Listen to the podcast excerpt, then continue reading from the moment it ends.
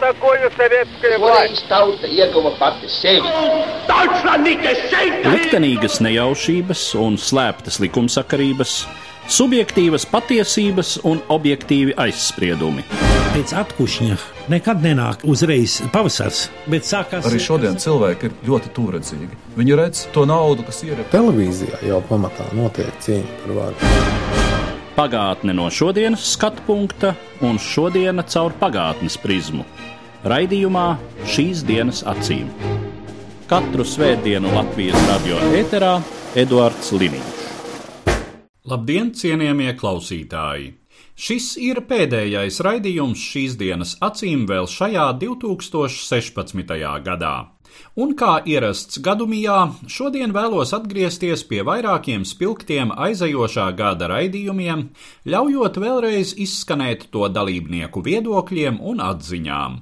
2016.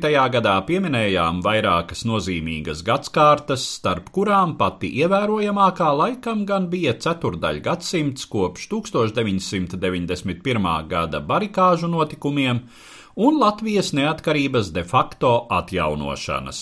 Pēdējās gadsimtas sakarā biju aicinājis studijā vēsturniekus Edgars Engīzeru un Walteru Ščerbinski, aicinot viņus salīdzināt mūsu nācijas situāciju pirms teju simt gadiem, kad pirmoreiz veidojām savu valstiskumu, un pirms 25 gadiem, kad to atguvām, atbrīvojoties no padomju aneksijas.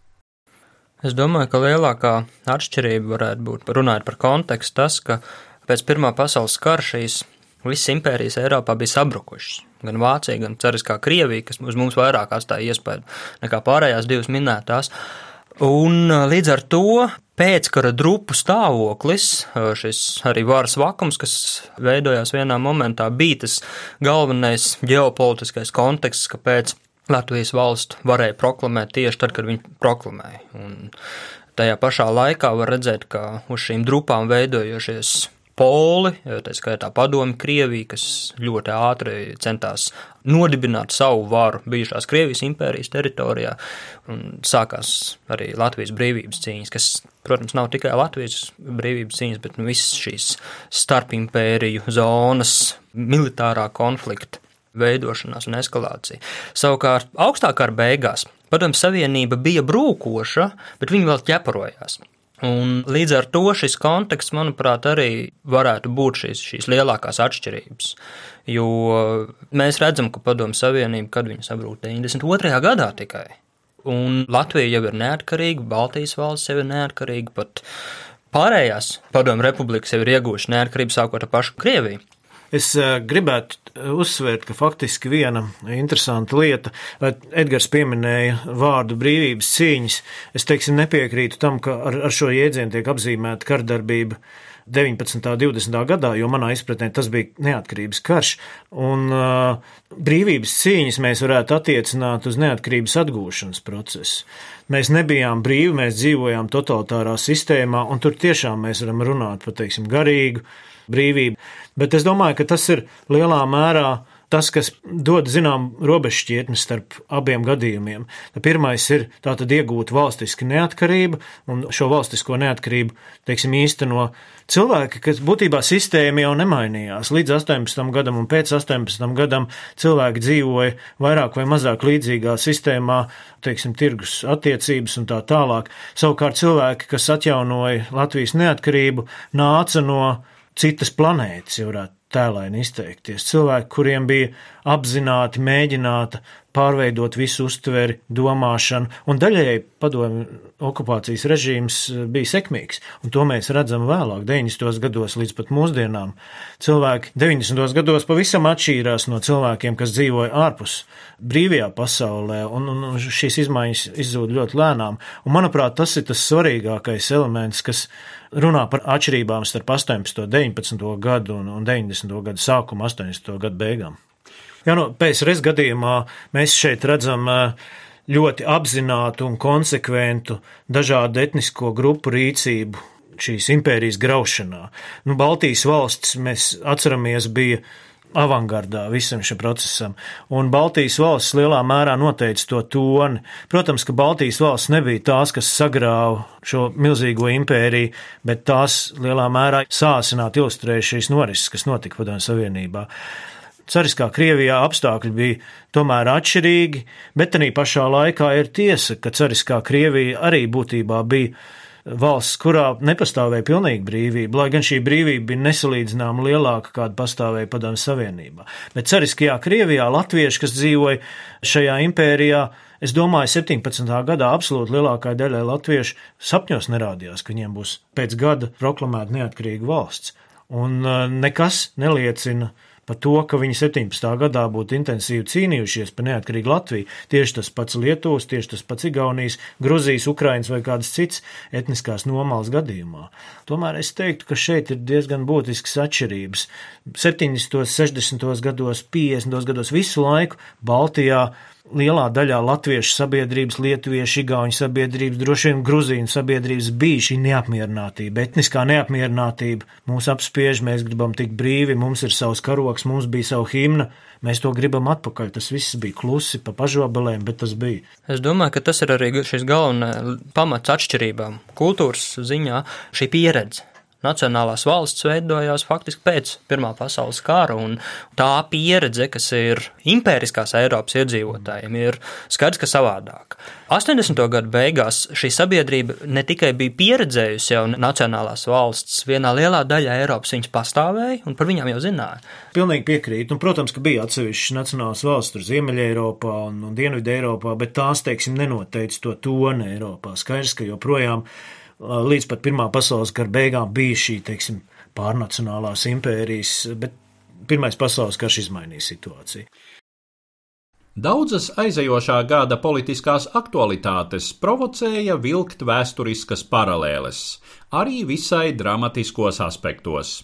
Vai pašreizējā situācija Eiropā un pasaulē neatgādina to, kāda tuvināja Otrajam pasaules karam? Šo jautājumu uzdevu vēsturniecei un publicistei Kānas Normandijas Universitātes asociētajai profesorei Gaļinai Akermanei, kad novembrī tikos ar viņu Parīzē, gatavojot raidījumu sēriju par Francijas ārpolitiku Austrumēropā 20. gadsimtā. К сожалению, эта ситуация, конечно, имеет некоторые исторические аналогии с тем, что происходило в годы, предшествовавшие Второй мировой войне, когда каждый шаг э, Гитлера казался последним. Ну вот это ему еще дали, и дальше он успокоится. Э, Diemžēl šajā situācijā, protams, ir zināmas vēsturiskas analoģijas par to, kas notika gados pirms Otrā pasaules kara, kad ik viens Hitlera solis šķita pēdējais. Lūk, iedosim viņam vēl šo, un tad jau viņš nomierināsies, un pat tad, kad viņam atdeva poliju, domāja, ka nu gan viņam būs miers. Viņš, protams, nenomierinājās, jo nekad nebija pat taisies to darīt. Šodien Eiropa tomēr reaģē nedaudz labāk. Es uzskatu, ka ļoti liels sasniegums ir jau tas, ka ir izdevies ieviest šīs sankcijas, pie kam nevis smieklīgas, kāda bija pirmā sankcija pakete pēc Krimas aneksijas, bet gan pietiekami nopietnas – kuras nepārprotami kaitē Krievijas ekonomikai, un kuru efektu vēl pastiprina ienākumu kritums no naftas un gāzes tirzniecības. Tātad analoģija par laimi nav pilnīga. Tomēr Eiropas valstu kompānijā, kurā pēc Brexita mēs pilnvērtīgi varam skaitīt vairs tikai 27 locekļus, ir savi streiklauži, tāpēc mēs nezinām, cik ilgi šīs sankcijas noturēsies. Taisnība sakot, vajadzētu ieviest vēl jaunas sankcijas, jo tas, ko Krievija dara Sīrijā, ir pilnīgi nepieņemami. Taču pagaidām ir tikai ieviestas smieklīgas sankcijas pret Asadu, kuram no tā ne silts, ne augsts, bet pret Krieviju šai sakarā kādas sankcijas ieviest pat nemēģina. Man šķiet, ka šodien vienīgā pareizā ir Krievijas ekonomiskā atturēšanas politika - vienkārši nedot kredītus, nedot tehnoloģijas, pēc iespējas traucēt kapitāla plūsmas. Vai Eiropa to izturēs, man pagaidām nav skaidrs. Ir tomēr vairākas valstis, kuras ļoti būtiski iestājas par sankciju atcelšanu, un ja nebūs jaunu sankciju, tad Putinam tā būs vēl viena zīme, ka var ņemt un apēst visu roku, bet pēc rokas arī visu pārējo. Kā visa tā kontekstā jūs redzat situācijas attīstību? Я думаю, Путину очень повезло с тем, что его продвижение на все более воинственные, националистические и реакционные позиции совпало с ростом популизма во многих странах Европы и в Америке. Собственно, Трамп это Ziniet, es domāju, ka Putinam ir ļoti paveicies, ka viņa virzīšanās uz arvien karavīgākām, nacionalistiskākām un reakcionārākām pozīcijām sakrit ar populismu pieaugumu daudzās Eiropas valstīs un Amerikā, kur Trumps ir šo pašu tendenču iemiesojums. Acīm redzot, pārmaiņas pasaulē ir bijušas pārāk straujas, pārāk radikāls. Ir izrādījies, ka ļaudis tām acīm redzot nav gatavi, nav gatavi šai atvērtajai pasaulē, nav gatavi tam, ka starptautiskā tirzniecība faktiski noved pie mūsu valstu vienkāršo cilvēku lielākas nabadzības. Ja vienu un to pašu preci var ražot kā Bangladešā, tā Francijā, tikai Bangladešā simtreiz lētāk, tad, protams, to ražos tur. Ir radusies aizsarga reakcija pret šo atvērto pasauli, pret pārāk straujajām sociālajām pārmaiņām, pārāk lielu cilvēku masu brīvu pārvietošanos. Arābu pasaulē radikālā reakcija ir islāma valsts, Un vispār visa šī islamizācija, atgriešanās pie tradīcijām, šīs no galvas līdz kājām ietinušās meitenes, kuras Francijā agrāk nebija, un nebija vispār nekur, izņemot Saudarābiju. Vairākās Eiropas valstīs tie ir nacionālās identitātes meklējumi, robežu slēgšana, ekonomiskais patriotisms. Plus Austrum Eiropas valstīm padomju audzināšana nav palikusi bez pēdām. Padomju Savienības sabrukums bija bumba ar laika degli, un tie lādiņi sāk sprāgt tagad, Šobrīd mēs virzāmies pa ceļu, kas savā galīgajā konsekvencē, kuras ceru nekad netiks sasniegta, var novest pie Eiropas Savienības sabrukuma.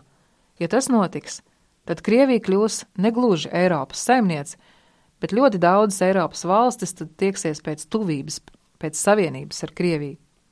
Lai nostiprinātu savas pozīcijas, Eiropā šobrīd vispār ir tikai divas pilnvērtīgas armijas - Lielbritānijai un Francijai – Pat Vācijai nav labas armijas, jo pēdējos gados sociālā retorika bijusi pret militāriem tēriņiem.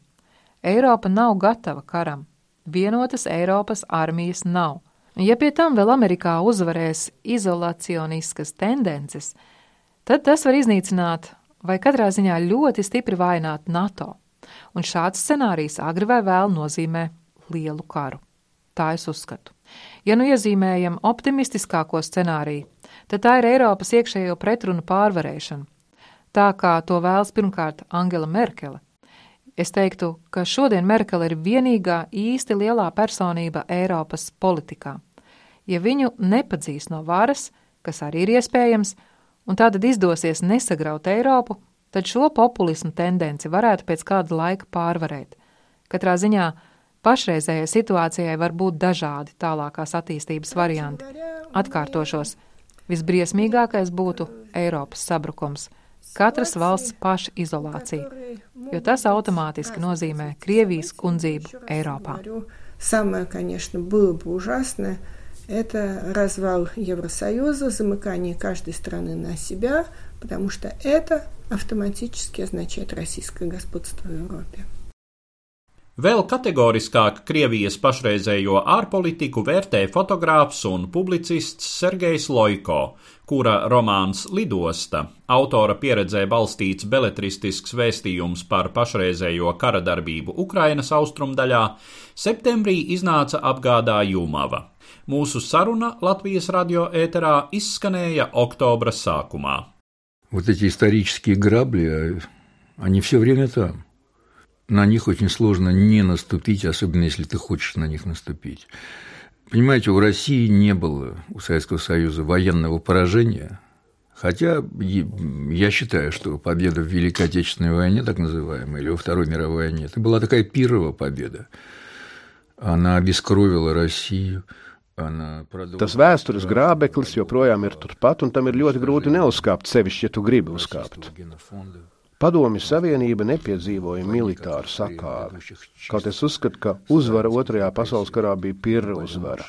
Krievija nosiņoja. Turpinājās baisais Krievu genofondu izskaušanas darbs, jo šajā karā, tāpat kā pirms tā notikušajās tīrīšanās, Staļina represijās gāja bojā labākie, kamēr gļēvoļi, nelieši, malā stāvētāji pārlaida briesmas klusākos stūros.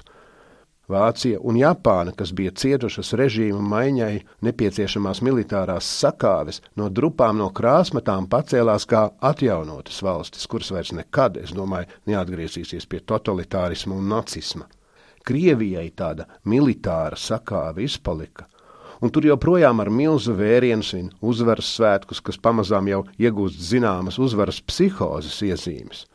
Nav bijis Nirnbergas procesa par komunistiskā režīma noziegumiem, tā skaitā noziegumiem Otrā pasaules kara laikā. Atcerēsimies kaut vai epizodi ar 22 tūkstošiem poļu virsnieku noslapkavošanu, kuri 1940. gadā tika nošauti Katiņā, Mednoje, Smoļenskas cietumā un citur.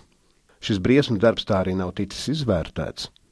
Tāpēc ir ļoti saprotams, kāpēc Krievijā pie varas ir nonācis cilvēks, kurš, es teiktu, nedaudz tādā farsa veidolā atkārto Staļina tēla iezīmes, viņa uzvedības stilu. Staļins bija apmāts ar Krievijas impērijas atjaunošanu, to pašu dara Putins. Krievijā 1990. gadā tika importēta demokrātija, bet bez rezerves daļām. Tā noturējās līdz 99. gadam, un mēs redzam, kas notiek. No tās ir palikusi viena vienīga fasāde, tāda paķomkina sāģa. Patiesībā mums ir autokrātisks, agresīvs režīms.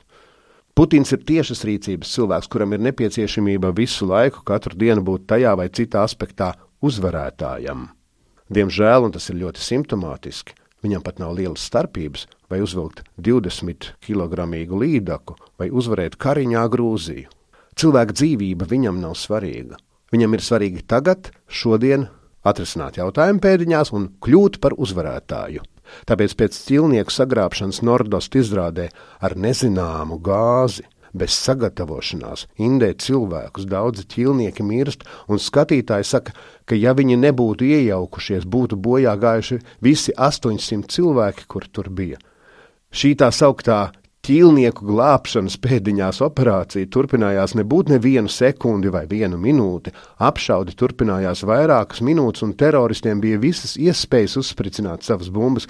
Kāpēc viņi to neizdarīja, to man joprojām nav atbildes. Un vairs arī nebūs, jo visi teroristi, arī smagi ievainotie un samaņu zaudējušie uz vietas tika likvidēti.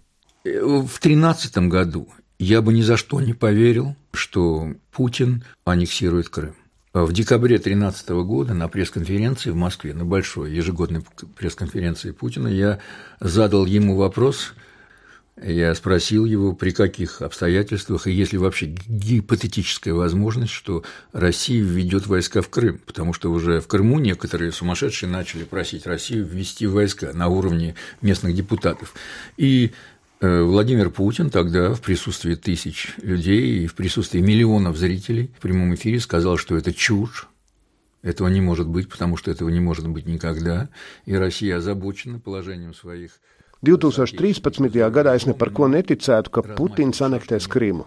Tā gada decembrī, ikgadējā lielajā preses konferencē, es viņam pajautāju, kādos apstākļos un vai vispār pastāv hipotētiski iespēja, ka Krievija varētu ievest karaspēku Krimā jo pašā Krimā tobrīd daži plānprātiņi vietējo deputātu līmenī jau sāka lūgt Krieviju ievest karaspēku. Toreiz Vladimirs Putins tūkstošu konferences dalībnieku un miljonu televīzijas skatītāju klātbūtnē tiešajā ēterā paziņoja, ka tās ir muļķības, ka tas nevar notikt, jo tas nevar notikt nekad. Krievijai rūp tās tautiešu liktenes ārvalstīs, bet tā nevicinās zobenu. Pēc šīs preses konferences mani paziņas žurnālisti, tā skaitā tie, kas tajā piedalījās, nāca man klāt vai zvanīja un teica, Sirjoža, Tev bija tā retā iespēja uzdot prezidentam gudru jautājumu, nu ko tu tur iznesies kā klauns un jautāja, vai uz Marsa ir dzīvība. Slima suņa murgi, un es patiešām sāku izjust mazvērtības kompleksu. Es pat necentos ar viņiem strīdēties, jo piekrītu, jautājums bija muļķīgs. Nezinu, kāds vēlns man ir dīdī to uzdot, bet pēc trim mēnešiem Krievijas karaspēks ieiet Krimā, un man zvana tas pats mans asprātīgais kolēģis, un tā vietā, lai atvainotos, saka, tu viņam pasviedi to ideju. Tā ka pie tā, ka Krievija anektē Krimu, esmu vainojams es. Kā žurnālistam man vienmēr ir jāpasaka, ka tas ir joks, lai kāds dievdēļ neiedomātos, ka tas nav joks. Un es nekad neticētu, ka tas notiks. Kā es pirms 2014. gada aprīļa nekad nenoticētu, ka Donbasā sāksies karš starp Krieviju un Ukrainu. Asiņains karš, viens no briesmīgākajiem, kādus man ir nācies savā dzīvē redzēt, un tagad es vairs ne par ko nebrīnīšos. Diemžēl man tas ir jāsaka esot Latvijas Nacionālās raidstacijas ēterā, es nebrīnīšos, ja vienu dienu padomi, tas ir krievu tanki, piedodiet man šo frēdisko pārteikšanos, pārkāpjot satiksmes noteikumus, dārdinās par Rīgas ielām. Es nezinu, kā pret to attiecaties jūs, taču pat ja tam nedrīkst ticēt, tad arī izslēgt to nedrīkst. Я не знаю, как вы к этому относитесь, но даже если в это нельзя верить, но исключать этого нельзя. Путин, он все время пробует Запад на слабину. Это как тот хулиган, который в своем районе совершает сначала карманную кражу, потом кого-то избивает, потом кого-то убивает. Putins visu laiku mēģina uzķert rietumu vājumu. Kā tas huligāns, kurš vispirms izvelk kādam maku no kabatas, tad kādu piesit, tad jau kādu nogalina, aizdedzina kādam māju, kādu izvaro, nolaupa cilvēkus, Galu galā viņš ar bandītiskām metodēm uzkundzējis šajā rajonā, ja vien tur neierodas policija. Bet šai Krievijas ielā policija neiegriežas. Bet no Kremļa logiem Krievijas iela ir ļoti gara un ļoti, ļoti plata. Ziniet, no Kremļa logiem šīs ielas otrā galā redz domu baznīcas, par to nešaubos. Ja atceraties 1983. gadā, kad tika notriekta Dienvidkorejas pasažieru lidmašīna ar vairāk nekā 300 cilvēkiem, pagāja pavisam īsts laika sprīdis un netalantīgs aktieris, bet viens no spēcīgākajiem Savienoto valstu prezidentiem Ronalds Reigans nosauca Padomju Savienību par ļaunumu impēriju.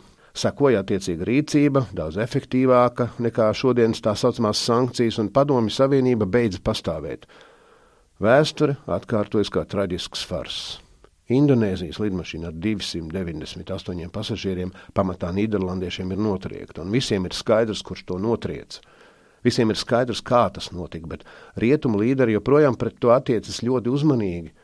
Viņi formas pēc ir izsludinājuši šīs sankcijas un tad pagriezuši muguru Krievijai un visai tai jūsu ielai, cerot, ka tad, kad viņi pagriezīsies atpakaļ, viss pats no sevis būs uzsūcies. Baidos, ka Kremlī tādas kustības, vai pareizāk to trūkumu, uztver kā vājumu. Putinam nepiestādīja rēķinu par karu Grūzijā. Viņam nav piesūtīts rēķins par Krīmas aneksiju, un praktiski tas netiek piesūtīts arī par karu Donbasā. Viņu lamā, bet ne vairāk. Cik gatavi šodien esam iespējamajiem pārbaudījumiem, kas būtu līdzīgi tiem, kurus mums sagādājusi pagātne? Tāds jautājums neizbēgami rodas arī domājot par pirms 75 gadiem piedzīvoto holokausta traģēdiju. Par mūsu varēšanu šodien nepieļaut kā līdzīga atkārtošanos jautāju saviem sarunbiedriem, vēsturniekam un holokausta lieciniekam Marģeram Vestermanim un viņa jaunākajam kolēģim Didzim Bērziņam. Par to jāspriež līdzim jaunam cilvēkam, ne jau no man, vairāk kā 90 gadu, un mēs nekad neesam droši. Neveiksminieki, kuri ir cietuši sociāla katastrofa, meklē vainīgo. Nu, tad bija vieglāk pateikt, nu, kas ir vainīgs. Nu, žīdi vainīgi, nu, protams. Bet nu, kāds ir noskaņojums Latvijas sabiedrībai, es gribētu arī šeit vēlreiz atgādināt.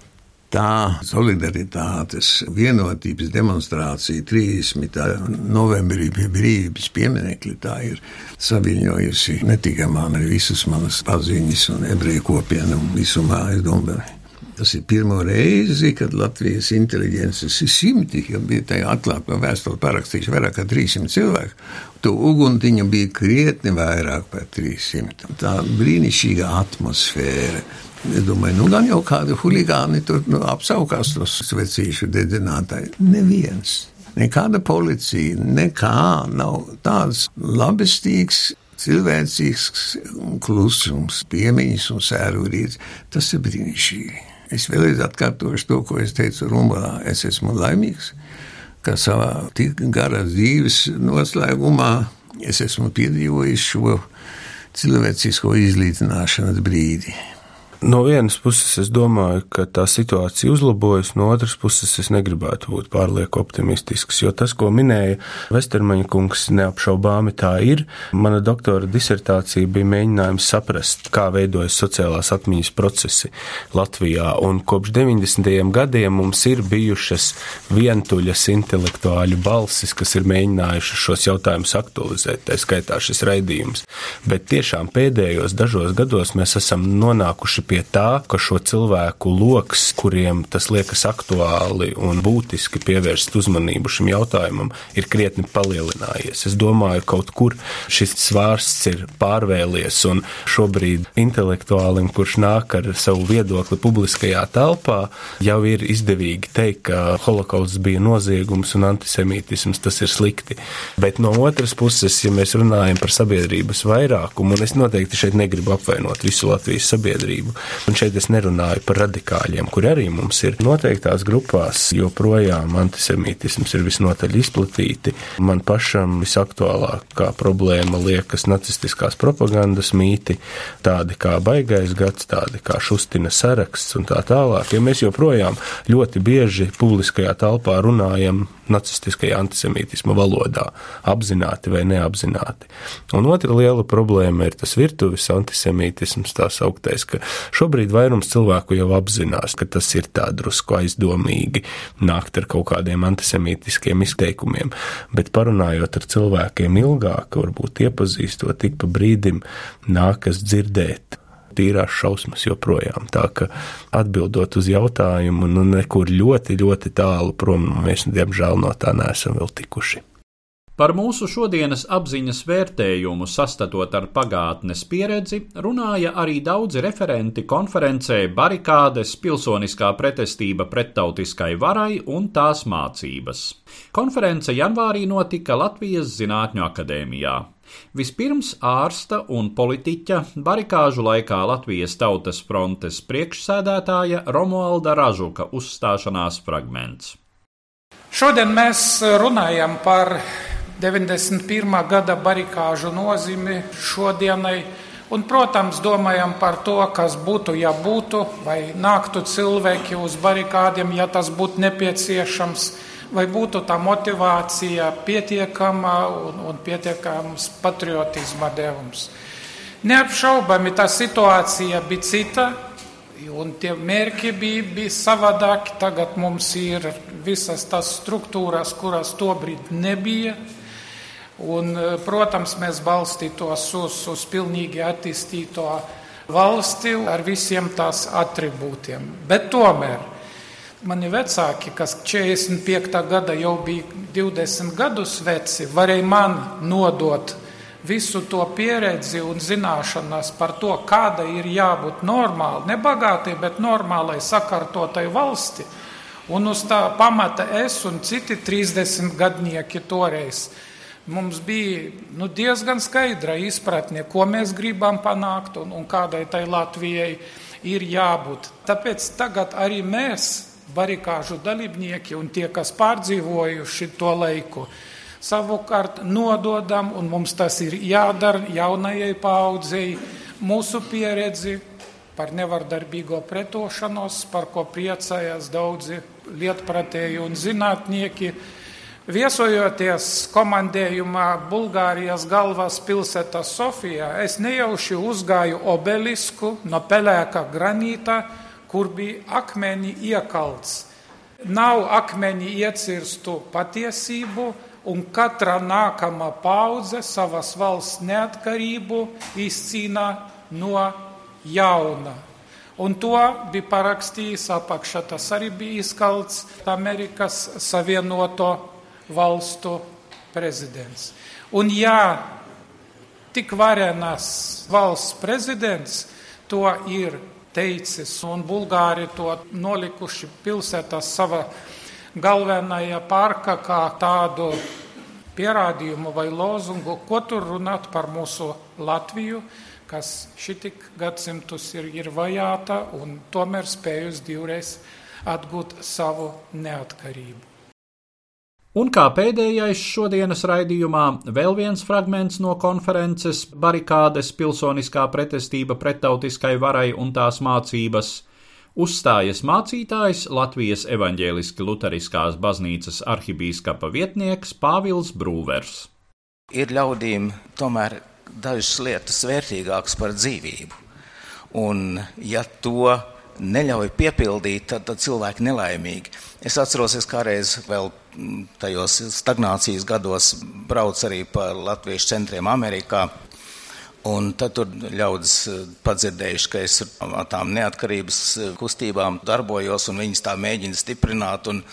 Tā viņi man tādu pārmet, viņi saka, kā skaties, ka tur daži cilvēki nonākuši ir ieslodzījumā uz daudziem gadiem, un, kas zina, varbūt kādam vēl būs dzīvība jādod, vai man tomēr nav sirdsapziņas pārmetumu, ka es esmu vainojams pie tā. Tad tā man atbild bija tieši tāda līdzīga. Saka, tad tomēr cilvēkam, kuram ir ir sirdī tā vēlēšanās likta kalpot savai tautai, kalpot ļaudīm, kalpot kādam ideālam, kas ir vairāk nekā dzīvība vērta, tam ir jādod iespēja. Jo citādi, ja tādu iespēju viņam nedos, viņš kļūs nelaimīgs viņš var aizies bojā kaut kur nodzēries, nosprāgs kaut kur grāmalā. Labāk, lai viņš iet ar paceltu galvu cīņā. Līdz ar to, cienījamie klausītāji, izskan šogad pēdējais raidījums šīs dienas acīm. Uz redzēšanos jaunajā 2017. gadā. Katru svētdienu Latvijas radio viens par pagātni sarunājas Eduards Līniju.